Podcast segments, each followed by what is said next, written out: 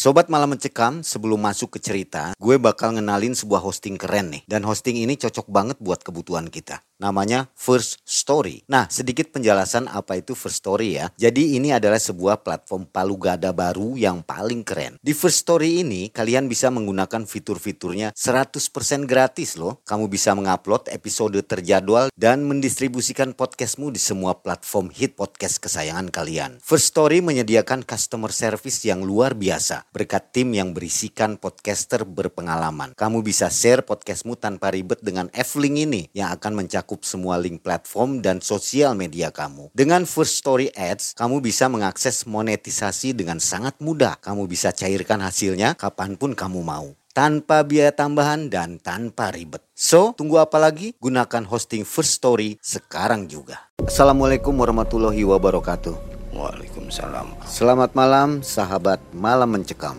Kembali hari ini Mang Ei dan tim mengunjungi Anda di sela-sela istirahat Anda malam hari ini untuk mengantarkan kisah nyata. Hari ini kembali di depan kita sudah hadir Wa Uus.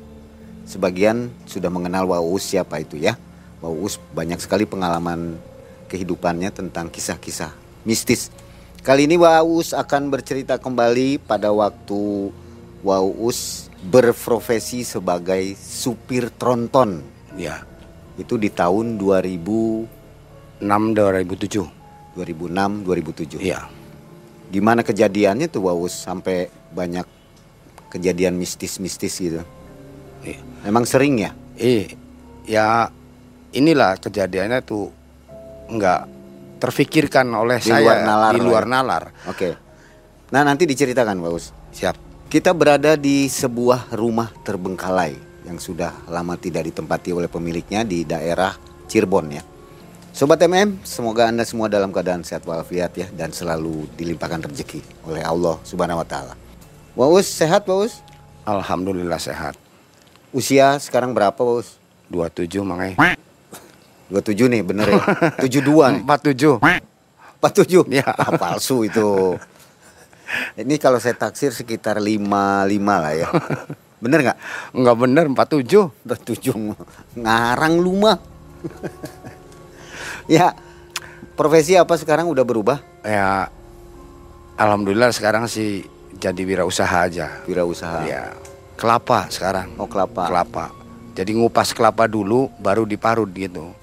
oh itu Jaruk aja parut kelapa ya sekarang mah itu. ya kita dengarkan kisah Waus ketika menjadi supir truk tronton silakan Waus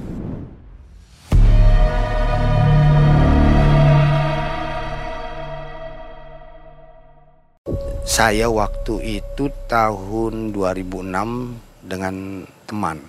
Kebetulan 2006 itu saya belum ada pekerjaan yang tetap lah. Artinya menganggur.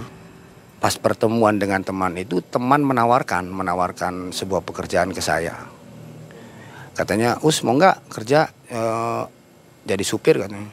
Ke mana? Ya ngirim-ngirim barang ke ya banyak lah Surabaya, ke Purwokerto, ke Semarang katanya. Eh, mungkin eh, bisa jauh lagi gitu. Oh ya boleh lah, tertarik saya kata saya tuh. Bawa apa? Ini ada pengiriman tergantung dari eh ininya apa banyak enggaknya. Kalau di bawah 15 ton itu paling kita bawa double katanya. Tapi kalau sudah 30 di atas 30 ton, di bawah 35 pakai tronton. katanya. Oh, ya udah bisa nyupir bisa kata saya tuh ya udah akhirnya saya ini apa melamarlah ke perusahaan tersebut mungkin dari teman mengajak itu ternyata bukan ini bukan bukan hanya dia kerja di situ ternyata dia orang kepercayaan dari eh, yang punya perusahaan tersebut. Jadi sekali lamar besok berangkat gitu kan. Katanya saya ngobrol dengan yang punya gimana? Bisa? Ya cuma pertanyaan sederhana aja lah. Mana mana lamarannya? Ya bisa. Bawa tronton bisa bu. Gimana? Oh ya udah besok berangkat ya aja oh ya udah ya hari pertama lah.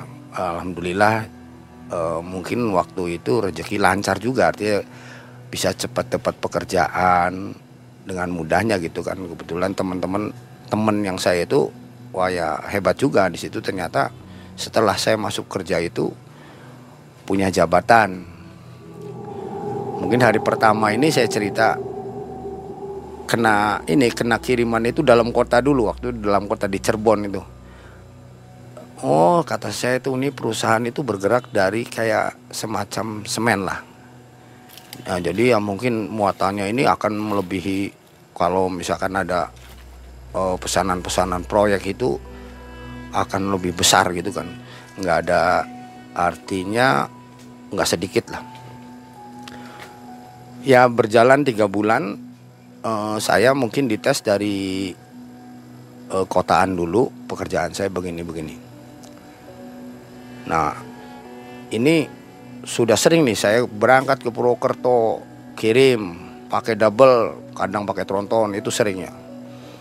Nah, ini cerita ini mungkin saya nggak pernah menduga dari sudah beristilahnya berapa ya 2006 masuk ke 2007 itu udah setahun. Saya sering bolak-balik ke Purwokerto, Semarang itu pakai mobil itu nggak apa-apa. Nah ini cerita ini mungkin agak ngeri juga gitu kan. Ya artinya dari saya ini kejadian ini tidak pernah saya duga sama sekali gitu. Bermacam-macam lah apa gitu kan. Jadi ceritanya begini. Waktu itu eh, hari Senin atau Selasa ya. Selasa itu pemberitahuan dari ini dari perusahaan manggil saya Pak katanya nanti minggu depan cerita minggu depan itu ada perjalanan mungkin jauh gitu. Loh ini mau ke mana bu? Ini langsung katanya jadi nanti ada pengiriman dari Cirebon langsung ke Purwokerto. Nanti setelah Purwokerto langsung ke arah Semarang. Nah dari Semarang nanti bawa barang lagi ke sini katanya. Karena di sana ada banyak barang retur. Bawa mobil apa bu katanya? Ya tronton, jadi banyak. Waduh, berarti dua dua ini kata saya tuh dua agen yang saya kirim kan. Ya makanya dari sekarang udah harus dipersiapkan. Mungkin perjalanan itu butuh waktu lama gitu kan. Soalnya muter juga. Karena pada saat itu jalan arah Purwo Cirebon Purwokerto yang lewat Bumi Ayu itu sedang di uh, apa dibongkar. Jadi namanya daerah itu daerah Tonjong. Jadi daerah Tonjong itu perjalanan misalkan dari bawah itu naik naiknya ke atas bener-bener naik apa naik bukan bukan mayat atau gitu naik. Nah itu sering terjadi kecelakaan banyak di daerah itu tuh. Mungkin dari pihak-pihak eh, situ mungkin banyak kecelakaan akhirnya mau diratain. Dan kita nggak bisa lewat situ. Dan terpaksa ya harus lewat dari arah Ciamis. Jadi jalurnya Ciamis nanti ke uh, Kawali dulu ke Kuningan, Kawali, Ciamis, arah ke Banjar, terus ke Majenang. Nah Majenang keluar uh, Cilacap, baru bisa ke Purwokerto gitu kan. Jadi pada saat itu ya saya tunggu-tunggu Senin lah berangkat gitu kan saya bawa kenek. Kata saya tuh ini ada muatan ke pabrik dari dari kantor ke pabrik suruh muat itu. Oh ya langsung dimuat ya lama keneknya mana? Ini adalah. Ya boleh dikatakan keneknya si Agus aja lah. Gitu Agus muat apa sambil beresin coba Gus diliatin dulu semuanya kan gitu kan. Kalau tonton itu harus bener-bener apa nggak bisa. Kalau kita dorong mogok dorong itu nggak bisa. Tonton paling harus diem gitu kan. Nggak bisa kayak mobil biasa. Mogok bisa didorong dipinggirin bisa. Tapi kalau tonton harus bener-bener apa eh, kondisinya fit. Mobil itu harus fit sekali jadi hari itu setelah, setelah selesai muat semuanya itu nggak salah 33 ton nggak salah ya waktu itu. Isinya itu kayak semen. Jadi semen ya bentuknya semen tapi ya saya nggak mau nyebutin nama perusahaannya tapi mungkin orang yang kenal saya tahu pernah kerja di situ pasti gitu kan. Pada hari itu udah selesai berangkat apa apa udah selesai muat semuanya. Berangkatlah saya e, dengan kenaiku saya berangkatlah ngambil berkas semuanya sama ongkos apa kas gitu kan bawa berangkat lah. Dari perjalanan kita santai aja kita nggak ada apa pemikiran macam-macam ya memang udah terbiasa kita berangkat ke situ kan. Ya, si Agus ya oh, pak oh, jangan apa yang bisa nggak yang cepat katanya. Nggak bisa ini kan perjalanan udah tahu sendiri harus ke Purwokerto dulu. Perjalanan dari Cirebon ke Purwokerto itu bisa makan 7 sampai 8 jam waktunya katanya. Udah santai aja Gus, uang mah ada kata saya tuh. Mau apa lagi kalau di sini kan kalau tronton itu uh, belakangnya bisa tempat tidur itu. Jadi kalau keneknya keneknya apa capek apa ya bisa tidur di belakang. Terus ini perjalanan tronton itu nggak bisa lebih dari 50 atau apa lebih 60 nggak bisa. Paling maksimal 40 karena muatan berat Terus kalau dipaksakan itu ban akan panas, bisa meletus gitu. Jadi itu harus hati-hati. Berangkat lah kita gitu kan. Ya, udah jalan, udah semuanya dicek semua sama ahli bengkelnya di situ. Udah beres semua katanya rem apa enak semua oke berangkat. Di perjalanan kita ngawalin jadi uh, ini um, pabriknya itu beda dengan kantor. Nah, dari daerah Kedawung itu saya berangkat langsung ke arah Kuningan. Di perjalanan saya perasaan itu ada kucing lewat. Mungkin kesenggol atau ketabrak, saya nggak ngerti lah. Das, ah, ada apa tuh Gus kata saya tuh. Kok kerasa gitu kan. Harusnya sih kalau udah bawa muatan itu nggak terasa itu. Walaupun kucing ataupun ngam apa tuh nggak terasa kecuali yang bener-bener lubang gede baru terasa soalnya apa sih berat. Kok kerasa gitu? Dilihat ya turun turun dulu barangkali kucing kata saya tuh. Ternyata benar kucing. Wah pak ini mati pak. Aduh sepinggirin aja. Saya nggak ini nggak kepikiran gimana gimana udah pinggirin aja nggak apa-apa uh, yang penting jangan di tengah-tengah aja dipinggirin sama Agus terus saya berangkat lagi. Jadi artinya uh, posisi itu kan gini keberangkatan saya aja udah pikiran saya waduh berapa lama ini saya ke sana gitu. Jadi nggak fokus ke sana sini. Jadi fokus saya perjalanan kira-kira cepet datang gitu kan. Jadi si Agus cuma minggirin aja langsung berangkat tinggal gitu kan. Berangkat lagi saya. Dan ya saya istilahnya belum belum belum kepikiran ke situ lah. Artinya belum belum ada pikirannya pikiran berangkat aja. Sementara perjalanan lagi perjalanan itu sempat ada pikiran gitulah kok saya kenapa kucing nggak dikubur nggak digini-gini? Sementara menurut orang sini kan mitos-mitos itu pasti akan ada sebuah ya boleh dikatakan musibah ke depannya nih nih maksudnya ke depan tuh artinya kita perjalanannya belum selesai tapi awal udah pertanda begitu. Ah saya ada kepikiran itu tapi ya cobalah dibuang aja lah. Pikir saya normal aja gitu kan. Dari perjalanan itu ya naik lah ke kuningan. Nah ini ke Dharma udah mulai naik. Udah Dharma itu waduk waduk lah cerita waduk itu naik ke atas sambil leku-lekuin setelah lewat dari Kawali jadi kawal itu ke arah Ciamis ini ada tanjakan tapi kayak gunung itu e, naik turun. Pas saya naik pertama bisa gitu kan, pas turun lagi, pas naik kedua, kok ini berat. Saya lihat sepion, lah kok ban belakang ngebul gitu, kenapa? Saya langsung minggir itu. Minggir, dilihat, wah ini kan pas remnya kena ini gimana? Nah dari dari situ Gus pada turun udah diganjel semua Gus ganjel. Saya lihat dulu. Wah ini bahaya nih kan pas begini kita muatannya segini jadi saya telepon lah kantor gitu kan. Ini berat bebannya 33 ton mana bisa orang bengkel-bengkel yang itu kan. Jadi saya telepon kantor sementara masih ada di wilayah boleh dikatakan Ciamis lah. Di wilayah Ciamis tersebut. Nah ya telepon kantor katanya. Halo? Oh ya ini oh ya saya langsung telepon ke ininya aja ke bagian bengkel. Namanya itu udahlah disamarkan aja Dedi.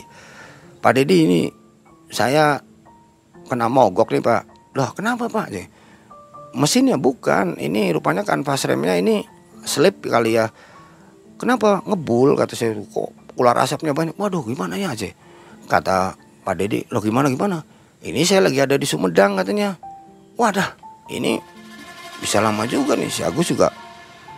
Gus ini bisa lama nih. Yang lainnya ada nggak Pak ini ya coba nanti saya kontak katanya kontak uh, yang di kantor.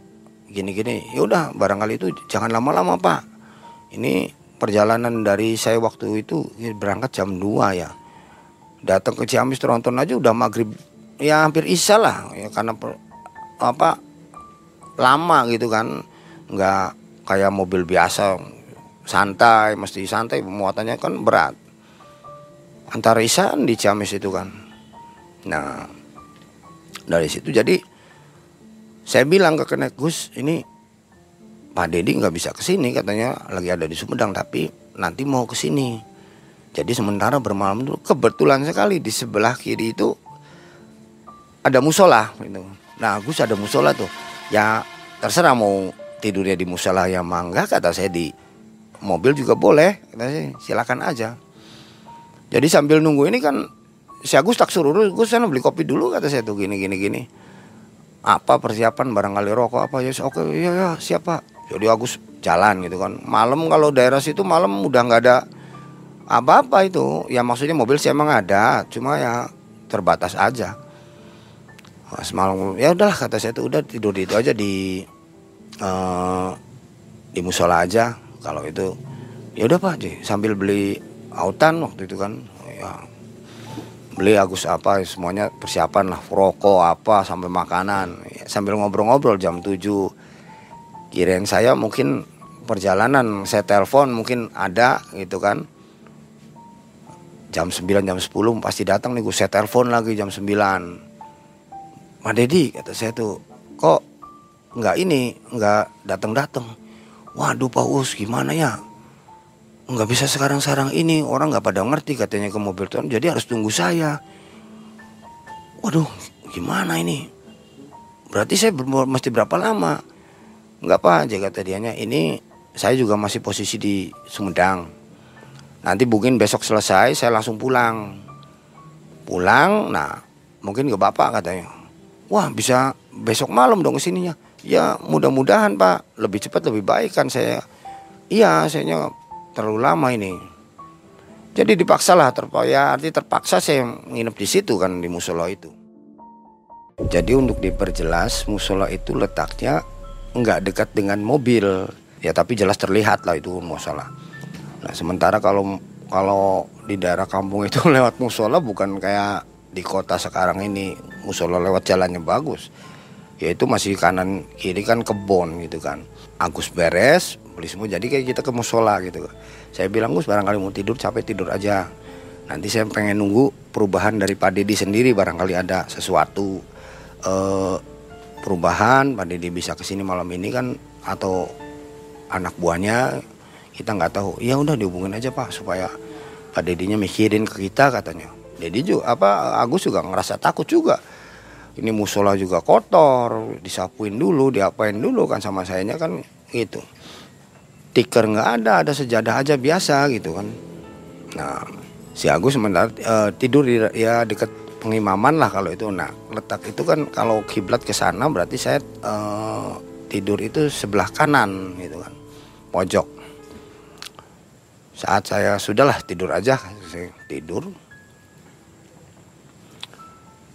uh, kalau kata orang Cirebon sih tidur apa namanya tuh lagi waktu saya tidur itu nafas sesek nggak bisa bangun ngomong nggak bisa itu namanya direp-rep katanya. Ya menurut yang mungkin daerah lain daerah, lain daerah lain juga itu namanya direp-rep atau gitu kan nggak tahu. Saya berusaha bangun ini kenapa kok bisa direp-rep begini? Bangun istighfar astagfirullahaladzim saya ada apa nih kata saya tuh?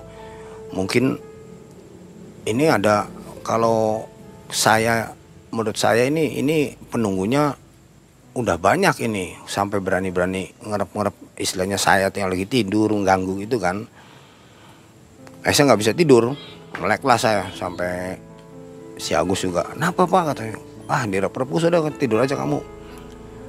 Ya udah tidur. Agus tidur saya tetap itu dan dari situ awal malam ini aja ada yang lempar. Wah, eh, kenapa kok? Wah, ini pikir saya udah aja lah mungkin binatang atau apa gitu kan.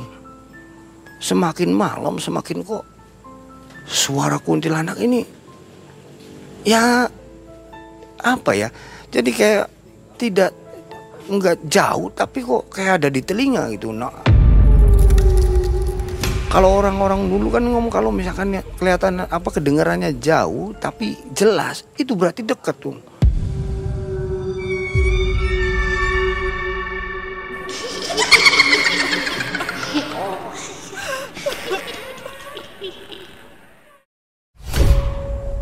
Saya ingat omongan itu wah ya badan merinding semua. Ini orang dua Agus juga belum tentu kalau dibangunin berani.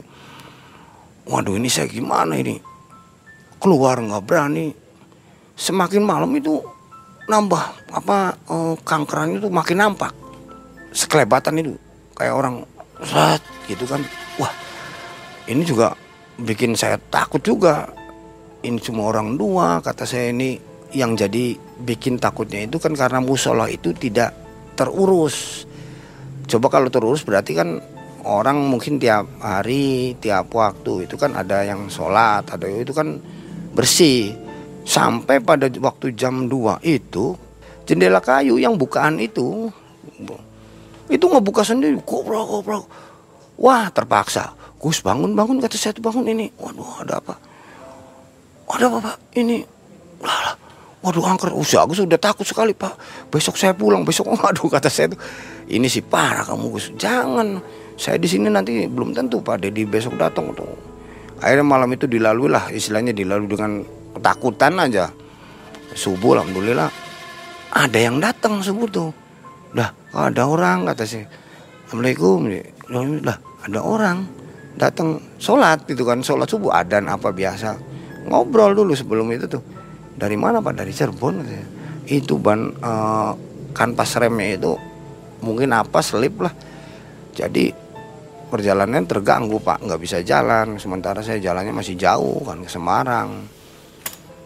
Oh iya ya pak. Nggak apa-apa. Ini saya mesti lapor nggak? Soalnya tadi malam kemalaman pisan. Saya nggak tahu harus ke mana. Oh nggak apa-apa pak. Nanti saya antar jarak siang ke pak RT nya ya udahlah kalau gitu uh, oh ya setelah subuh apa rada siang saya izin ke PRT maksudnya izin satu mungkin lama artinya kan Pak Dedi janjinya sehari besok malam nah nanti malam mungkin datang gitu kan nah kedua belum tentu ini belum tentu malam ini gitu kan jadi ya lapor udah selesai dan ternyata yang jadi terbukti itu setelah saya keluar dari istilahnya musola pagi itu mau nganter Pak RT jadi tempat yang saya tidur sebelahnya itu keranda mayat. Jadi keranda mayat, oh yang bikin erep-erep tuh ini kata saya tuh. Waduh, ini berarti saya waktu tidur itu direp-rep sama ini. Jadi untuk ya istilahnya untuk para pendengar ini, kalau misalkan emang ada keranda itu jangan tidur sebelahnya keranda. Itu pasti akan direp-rep. Nah ini bukan mitos, barangkali mau nyoba silakan nyoba aja tidur sebelahnya keranda berani nggak itu apalagi di dalam keranda di sebelahnya aja pasti direp diganggu lah gitu kan wah ini berarti saya harus tidur di sebelah sini kan nanti malam sampai Pak Didi nggak datang gitu kan oke lah wis tahu kata saya tuh gini gini sampai siang saya telepon Pak gimana Pak? Saya masih di Busus Mendang Pak. Belum bisa ke situ gini gini anak-anak nggak pada yang bisa nggak ada nganuin itu. Dongkrak aja saya nggak berani. Kata saya tuh kalau mau di, di bengkel sini saya takut barangkali salah gini gini udahlah nunggu pak Dedi aja kata saya tuh. Ya udah tunggu pak. Sabar pak. Udahlah aja nggak apa-apa kan. Ada tempat di situ ada. Ya tronton sih ada kan. Ya di mobil juga ya bukan masalah mobil tronton tronton sih ada tempat tidur pak. Ini masalah tempat sininya. Ini kan saya udah hutan bukan bukan. Oh di mana? Di sini. Dijelasin. Waduh iya ya pak kalau di kota misalkan udah masuk ke kotanya Ciamis sih nggak perlu. Seminggu saya berani kata saya tak bilang gitu ketawa Pak Dede ya udahlah saya diusahakan ya wis ya malam itu ya, akhirnya terpaksa bermalam lagi di situ di ini. Nah si Agus udah tahu kejadian tadi malam. Ini gusar juga nih Pak ini nggak bisa tidur si Agus ya jadi saya ketawa. Udah kamu tidur nggak apa-apa kata situ. Jangan takut udah saya saya ada uh, tenang aja saya saya nggak nggak tidur. Nah ini malam-malam kedua ini dari siang itu ada informasi ya dari warga kan warga oh itu ada orang ini. Jadi kan kalau orang kampung itu ngobrol sambil ngopi sambil ngerokok. Ini pak esok silahkan lah. Saya juga minta keamanan di sini kan saya bawa barang banyak. Ya terpaksa lang ya beliin kopi rokok Pak RT kata saya tuh ini. Pak kata, kata Pak RT ngomong di sini hati-hati. Ya artinya waspada aja nggak apa-apa sih. Cuma ya paling nampakin nampakin itu waduh emang gitu ya emang di sini katanya musola ini tuh. Makanya rada sepi. Waduh si Agus sih kedengaran jadi udah gusar nih udahlah nggak apa-apa pak. Kalau misalkan emang takut nanti saya tidur ditonton kata situ. Bisa. Iya pak nggak apa-apa. Di sini juga nggak apa-apa lah di sini kata yang lainnya. Udah pak jangan diituin laden nggak apa-apa. Ya biasa. Kalau orang kampung kan pengen ngobrol apa sampai malam yang ngobrol maghrib di situ isa sampai jam 9 pada pulang. Orang tuh ah ini siap-siap juga nih saya. Udahlah saya nggak ada pikiran ke situ ke sini nggak ada malam jam 12 saya paksain sholat. Biar maksudnya ya minta perlindungan sama Allah supaya jangan diganggu sama hal-hal yang demikian gitu kan. Sholat ya ini sholat aja setelah sholat saya lagi zikir. Itu di depan pengimaman itu kayak ada suara jedor loh. Wah ini gangguan apa lagi nih? Bahaya nih. Udahlah saya habis pikir udah tidur aja tidur tidur.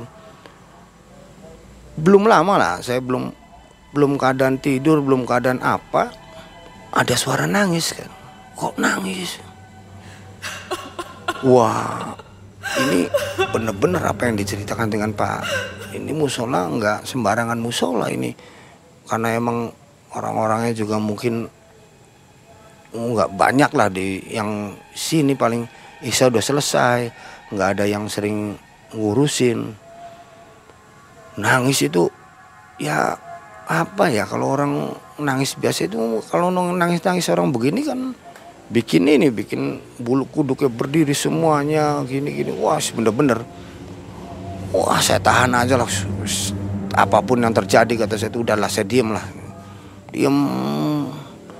Astagfirullahaladzim kata saya itu. Dari dari nangis tersebut jadi pintu musola itu emang nggak saya tutup semuanya. Kelihatan saya. Itu ada yang ngintip di pintu itu. Siapa itu? Kata saya tuh tak lihat lagi. Rambutnya panjang. Nggak banyak cuma setengah badan gitu. Iya pakaiannya putih juga. Tadi saya nggak nge artinya normal. Saya anggap normal jangan sampai takut gitu kan dari dari keluar itu ya keluar apa keluar uh, sebelah tuh oh baunya bau bang kayak gini ya ya nangis tuh itu dia tuh sambil nangis Wah, wah udah wis saya harus jurus satu aja langsung bangunin si Agus. Gus bangun hilang. Udah pindah aja pindah kata saya tuh. Ini udah udah nggak udah udah bener-bener kacau ini. Kenapa aja pak? Udah udah pindah sudah malam itu pindahlah ke tronton udah tidur di tronton sambil nunggu itu udah jam 2an lah. Udah udah pindah-pindah aja. Ini saya yang di istilahnya saya yang bener-bener penampakan tuh mukanya bener-bener kelihatan jelas lah. Artinya walaupun ngintip ini samar-samar gitu ya. Udah oke malam ini nggak jangan di sini gus kata tuh. Pindahlah ke tronton tidur situ. Dan alhamdulillahnya Pak Dedi antara jam satu siang tuh nelpon mau mana diletaknya aja ini saya lagi perjalanan situ. Alhamdulillah kata saya tuh ini Pak Dedi cepet datanglah ke Ciamis saja nanti ada turun saya kata saya arah Ciamis. Sebelum Ciamis itu ada tanjakan yang naik turun tuh. Wah ya di situ si rawan Pak deh ya kalau masalah rawan-rawan manusia mungkin bisa dikasih rokok ngobrol bisa sama saya. Tapi kalau rawannya bangsa begitu kan susah Pak. Oh yuk ketawa da, jam satu itu Dedi Pak Dedi itu dari jam berapa ya? Jam satu sudah ada di Kuningan. Jadi di Ciamis itu antara jam dua setengah tiga datang lah. Jadi diberesin waduh ini kenapa aja bisa saya begini Pak Didi ini yang masang siapa kemarin? Waduh siapa ya? Nggak tahu kata saya. Ini kan nonton kan siapa yang masuk siapa giliran kan kita nggak tahu Pak. Jadi ternyata terbalik harusnya kan kalau kalau itu kan ada kanvas itu kan ada per itu kan nah, pernya keluar pernya yang di luar bukan ke dalam itu kan jadi ya selip ini sih nggak bisa dipakai Jadi dibongkar dulu itu apa, muatan dari berapa ton itu kan didongkrak tuh susah. Wow. Jadi ya nyari tempat dulu kira-kira kuat untuk angkat itu dongkrak. Nah di kanvas rem kan buka dulu, ini diberesin lah Pak Dedi. Udah Pak, J, udah selesai udah. Insya Allah lah sehat katanya. Nah, ya udah Pak, saya langsung berangkat aja lah. Sementara uh, masih lama ini. Kata saya itu Purwokerto belum bongkar. Kata saya itu nanti ke Semarang. Lewatnya bukan ke Semarang atau lewatnya tahu sendiri Pak. Iya iya Pak. Udah selamat aja lah. Hati-hati berangkat lah jam 7 tuh. Nah dari jam 7 itu lewat just berangkat Wis bismillah kata saya. Bismillah lah malam-malam berangkat lah gitu. Enak siang atau kalau mama bawa-bawa gini tuh enak siang malam tuh bahaya. Cuma ya kepaksa karena waktu udah berarti perjalanan udah dua hari kan. Udah nggak harusnya nyampe udah balik lagi ini masih di perjalanan. Jalanan. Jadi setelah Ciamis itu kita lewat ke ini. Namanya eh, Siungwanara jadi di, daerah Ciamis arah ke Banjar itu ada daerah Siungwanara dan di situ tuh masih angker. Orang ini ada rombongan. Jadi lewat tapi kayak ini kayak apa ya baris. Cuma baris sampai kecil sampai seanak umur tujuh tahunan. Nah yang mungkin makhluk lah kata saya berhenti berhenti yang pertamanya itu melihat saya mukanya wah pucat tapi matanya merah gitu Astagfirullahaladzim ini tapi jalan dia jalan masuk ke arah nah itu di di situ aja lah. Kalau pemirsa tahu itu ada Siungwanara di daerah antara Ciamis ke Banjar, Siungwanara. Itu konon memang bener-bener angker gitu kan. Sampai sekarang juga terkenal tahu. Itu kalau misalkan mau apa mau bubaran, pacaran, nah katanya sih ke Siungwanara aja bisa. Nah setelah itu lewat. Ya Allah kata saya tuh ini ada apa? Ya kembali ke pikiran saya kan akhirnya wah ini gara-gara kucing atau apa ini kata saya tuh coba dibuang aja ini kok bisa sampai ketemu begini saya tuh udah satu tahun lebih kerja begini tapi nggak pernah menemuin menemukan begitu tuh nggak pernah sama sekali kok bisa gitu kan si Agus iya sih Pak Haji kok bisa tuh cuma kan tenangnya begini kalau kalau naik tronton itu kan tinggi ya jadi kan kelihatan itu tapi tenang. Ya tapi batin sih ya tetap takut lah kelihatan orang seperti kalau kata itu kayak, kayak kening gitu kan udah jalan saya jalan lagi ya Allah sebelum apa gitu? Wis udah aja. Ini malam ini kata saya tuh Gus saya belum belum pernah nih kayak gini sampai dari sana ke sini ini ada kejadian apa? Apa mungkin hubungannya ada tak dengan mitos kita kena kucing tadi kemarin gitu kan? Iya ya Pak Jumukun kenapa beli dikubur baik? Nah karena aku sih maksudnya bahasa Indonesia Kenapa tadi nggak dikubur aja gitu. Nggak disingkirin aja sih Ya kan buru-buru sih Gus kata saya tuh. Nggak ada itunya nggak ada uh, pemikiran di situ. Udahlah jalan lagi Nah jalan ini perjalanan unik juga ini dari dari Majenang itu melewati gunung jadi gunung ini tikungannya ke atas gitu jadi pas nikung harus ke atas nah saya tahu ini ada mitos. Jadi kalau misalkan di situ nggak bisa berangkat, maksudnya nggak bisa naik, itu harus diganjel, banyak harus dikencingin gitu kan. Saya ya artinya sering mungkin pakai bukan pakai tronton ya, pakai mobil double lewat itu biasa-biasa aja lancar. Itu hari itu begitu terjadi, Mai. Jadi yang namanya gunung apa ya? Nggak tahu lah pokoknya nanti kalau misalkan itu tahu dari Majenang terus. Nah itu mau ke arah Cilacap itu uh, ke pengen pengen ketemu Cilacap. Naik nggak bisa jalan mobil. Turun kancil Gus. Kancil wah sepi malam gue wah ini bahaya. Pak pimpin Pak. Aku sih udah kalap aja kalap. Itu sepi. Ya, posisinya posisi malam ya saya tahu ingat. Jadi saya kencingin ban Gus kencingin ban sana. Mau dikencingin dan nanti saya satu lagi bisa jalan ya. Ya udah. Gus tunggu di depan ya kalau nanya iya iya iya pak. Jalan bang Ai. Emang mitos ya apa mungkin kalau misalkan mitos ya masa dikencingin bisa jalan kan? Kalau bukan istilah bukan mitos sih. Misalkan kalau dikencingin apakah bannya berkembang tapi kan dikencingnya kan di bagian belakang belum nyampe ke sana. Ban kalau itu kan hitungannya jalan mengenai naik. Wah ini bener-bener nih kata saya tuh sambil nyengar-nyengar aja. Ya Allah batin sih takut sih takut. Cuma istighfar perjalanan masih jauh kata saya tuh. Dari Cilacap. Nah udah singkat cerita lah istilahnya kita kita di situ aja udah udah naik udah beres sampai ke Cilacap. Ya alhamdulillah sampai Purwokerto nggak ada gangguan bongkar lah sebentar katanya. Bongkar eh, nunggu mal nunggu pagi dulu bongkar. Ya bongkar biasa giliran. Ya namanya orang saya pikir selesai sebentar nih. Ternyata selesai sampai sore. Ya Allah ini sih perjalanan malam lagi kata saya tuh ya. Udah udah kebayang ini ini nggak bakal nih siang-siang berangkat saya. Iya. Datang awal bongkar sampai tutup toko antara jam limaan. Berangkat lagi saya dari situ. Ya ya kalau masalah tidur sih udah tidur jelas lah. Udah parkir aja udah saya udah langsung tidur. Persiapan sih kalau udah selesai. Nyata sampai sore. Jadi jam 5 toko tutup udah beres-beres faktur apa beres. Berangkat lagi saya. Nah dari dari perjalanan Purwokerto ke Semarang itu kan saya lewatnya keluar nanti ke Pemalang. Dari Purwokerto itu ada jalan yang bisa tembus ke Pemalang. Jalannya apa? Saya nggak tahu, tapi saya bisa adalah situ. Nah Pemalang itu kan lewat Pemalang. Nah di situ ada lagi nih antik lagi nih makanya. Ini saya juga wah ini parah kata saya tuh. Dari situ ada kebun yang uh, tetap jati gitu pohonnya pohon jati jadi semua itu dari dari pohon jati semua nah dari situ itu seolah-olah ada orang orang yang ngumpul tapi nggak nggak jelas ngumpulnya apa gitu. Kayak ada api unggunnya Wallahu alam apakah itu penampakan atau bukan saya belum jelas. Soalnya saya sambil jalan itu orang pada ngerangkul gitu.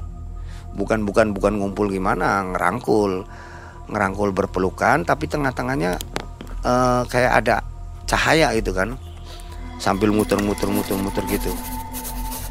Wah kata saya itu itu apa itu? Gus kelihatan nggak? Iya. Apa sih pak itu pak? Cik. Wah Lillahi ta'ala bos Astagfirullah istighfar yang banyak kata saya itu Istighfar Gini gini gini. Wis baca bacaan Gus. Baca ayat kursi kalau bisa baca ayat kursi yang bagus. Yang banyak atas itu ayo Gus ayo Gus. Itu saking takutnya saya istilahnya ini perjalanan benar-benar sampai sampai segitunya kata saya tuh ya kembali ke pikiran-pikiran yang awal lagi lah. Nah keluar dari Pemalang lah. Alhamdulillah beres. Jalan keluar Pemalang kan udah itu kan lintas Pantura. Keluar Pemalang jas belok kanan wis langsung. Uh, udah Pemalang lewatin Semarang. Uh, tapi nggak masuk Semarang terus. Ah di sini nih perjalanan ini jam berapa itu ya? Ya antara jam 12-an jam 1 eh di itu. Ngantuk saya kan aduh gimana ini lah serba tapi karena emang posisi enak ah ini ada warung kelihatan. Saya jadi saya berhenti. Udahlah pikir ada warung. Gus lah udah makan aja dulu saya ngantuk ini. E, apa istirahat sih jangan di sini lah itu ada warung ke warung warungnya kan kalau warung di situ nggak kayak warteg apa gitu bambu aja gitu. saya di luar duduk. Bu ada saya tuh mesen kopi. Ibu itu keluar ini nggak ada kayak kayak apa nggak kayak bahasa warung. Jadi keluar itu keluar ya bikin kopi. Saya indomie kata Agus ya. Saya lihat jadi mukanya itu bukan bukan kayak seperti seorang pelayan. Biasa apa uh, cuek tapi pandangan apa tuh lurus. Nggak nengok sini dari mana pak? Nggak ada nggak ada basa basinya itu nggak nge saya nggak nge nggak ada apa. Cuma kok beda gitu. Kopi aja nyuguhin kopi nggak? Ini pak kopinya pak. Apalagi nggak ada. Diem aja dia ini berdiri aja. Ya saya dilihat lagi dilihat Dia mukanya kok pucat. Barulah di situ. Wah, ini kok saya merinding gitu kayak takut gitu kata saya tuh. Ampun. Setelah saya lihat itu ada kecurigaan merinding ini apa ibu-ibu masuk masuk kopi masih ada apa setelah selesai bu selesai kata saya tuh saya mau mau ini uh, mau berapa? Segini dibayar saya itu. Pas saya keluar dari warung itu ada bapak-bapak yang itu pak kata saya manggil manggil sini pak. Sini kata dianya. Manggil. Udah sini bapaknya sini. Jangan di situ sini aja sini aja. Saya waduh inget itu merinding juga emang ini kejadiannya kayak gini waduh. beneran ya? Iya ini apa di sananya kedengeran atau gimana ini sampai kayak gini atau apa ini harus ada di benah ini mah eh? kita lanjut dulu ya Wah. nah pas gitu dipanggil saya sama bapak itu uh, ada apa pak? Tadi makan di warung situ. Iya. Udah sini pak, ayo. ayo Itu bapak-bapak itu saking mungkin kasihan saya sama kenek dibawa. Udah duduk di sini. Bapak mau ngopi lagi ya? Ngopi ya. Jangan jangan ini, jangan jangan apa? Jangan artinya jangan jangan keder, jangan apa. Ini pak, saya ceritain. Yang warung bapak itu sering terjadi Terjadi apa pak? Tadi orang perempuan Iya perempuan Terus gimana pak? Ya cuma sinis aja gitu kan Ini udah singkat cerita bapak-bapak cerita Bapak-bapak itu ceritakan bahwa jangan di situ. Itu baru jadi orangnya itu sering terjadi begitu. Emang baru sudah lama nggak terpakai gitu kan. Jadi alhamdulillah udah bapak di sini aja. Dikasih lah tempat jadi nggak nggak ini. Udah. Saya pikir waduh kata saya itu apa langsung aja tak kata saya. Pak udah jangan jangan di itu jangan dipaksakan. Udah biar nunggu pagi aja. Ini udah malam. Yang ditakutkan kalau dipaksa nanti barangkali terjadi pak jadi udah bermalam di situ ya singkat cerita ya bapak itu banyak cerita bahwa sering terjadi begitu di alas roban itu. Ya alhamdulillah saya ada dia kata dia. Kalau nggak ada bapak bisa mungkin ya nggak tahu lah apa yang terjadi. Jadi sering sering terjadinya kalau misalkan dipaksa takut berangkat itu terjadi sesuatu makanya di sananya. Udah nunggu subuh aja katanya subuh saya sholat apa langsung berangkat lah ya alhamdulillah selesai itu pulangnya malah nggak nggak ada apa-apa nggak masalah nggak apa-apa cuma kita kembalilah ke pikiran saya sendiri itu apakah mitos yang awal saya berangkat itu benar-benar terjadi saat itu atau enggak. Nah itu mungkin jadi pertanyaan buat saya atau mungkin ada pemirsa yang tahu jawabannya saya juga makasih berarti kan betul kan mitos yang kena kucing itu harus dikubur dengan pakaian kita gitu. Nah itu makanya. Kesialan demi kesialan ya gara-gara menabrak. Iya, boleh dikatakan gitulah. Artinya tapi kita bersyukurnya tidak terjadi hal yang kayak tabrakan gitu makanya artinya ke artinya terjadinya ke diri kita kayak ketemu ini ketemu ini kok bisa gitu? Beruntun makanya dari awal sampai alas roban itu ya? Alas roban itu terus menerus terus itu nggak nggak ini kok bisa gitu? Sementara saya tuh di situ kerja di situ udah satu tahun lebih. Itu perjalanan kalau siang sih nggak ada gangguan ya? Kalau siang sih nggak mungkin makanya aman-aman aja? Aman. Nah tapi kan ini saya lucunya kan gini. Berangkat sore dari sini kita berakan di sananya malam di Ciamis. Coba besok hitung jam 12 jam 1. Yeah. Dua hari di situ datang Pak Dedinya jam 1 selesainya sampai maghrib. Jadi berangkat lagi maghrib. Setelah di Purwokerto datang. Bongkaran selesainya maghrib malam lagi. Jadi pas ya? pas sekali. Kayak seolah-olah dari awal ini udah Allah alam lah apakah mitos atau bukan ya?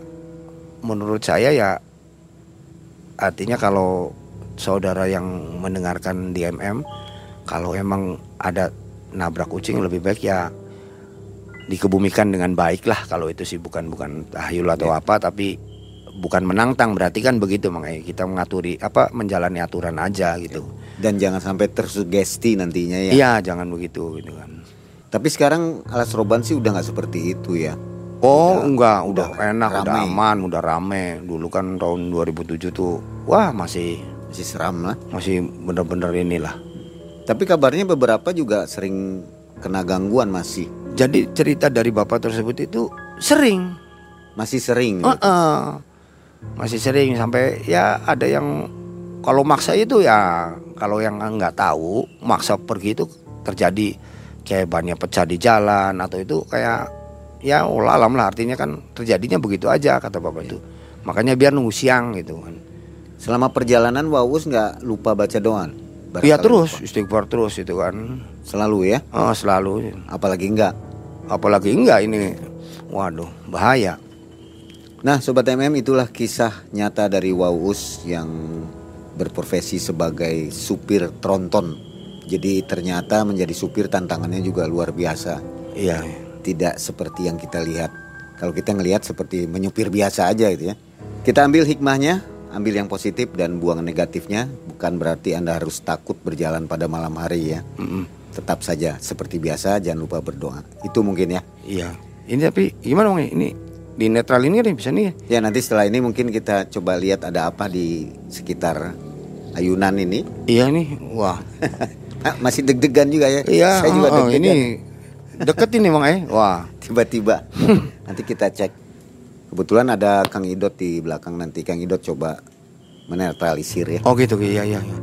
Nah Sobat MM gitulah kisah dari Waus dan akhirnya saya Mang Ei dan tim undur diri. Assalamualaikum warahmatullahi wabarakatuh. Waalaikumsalam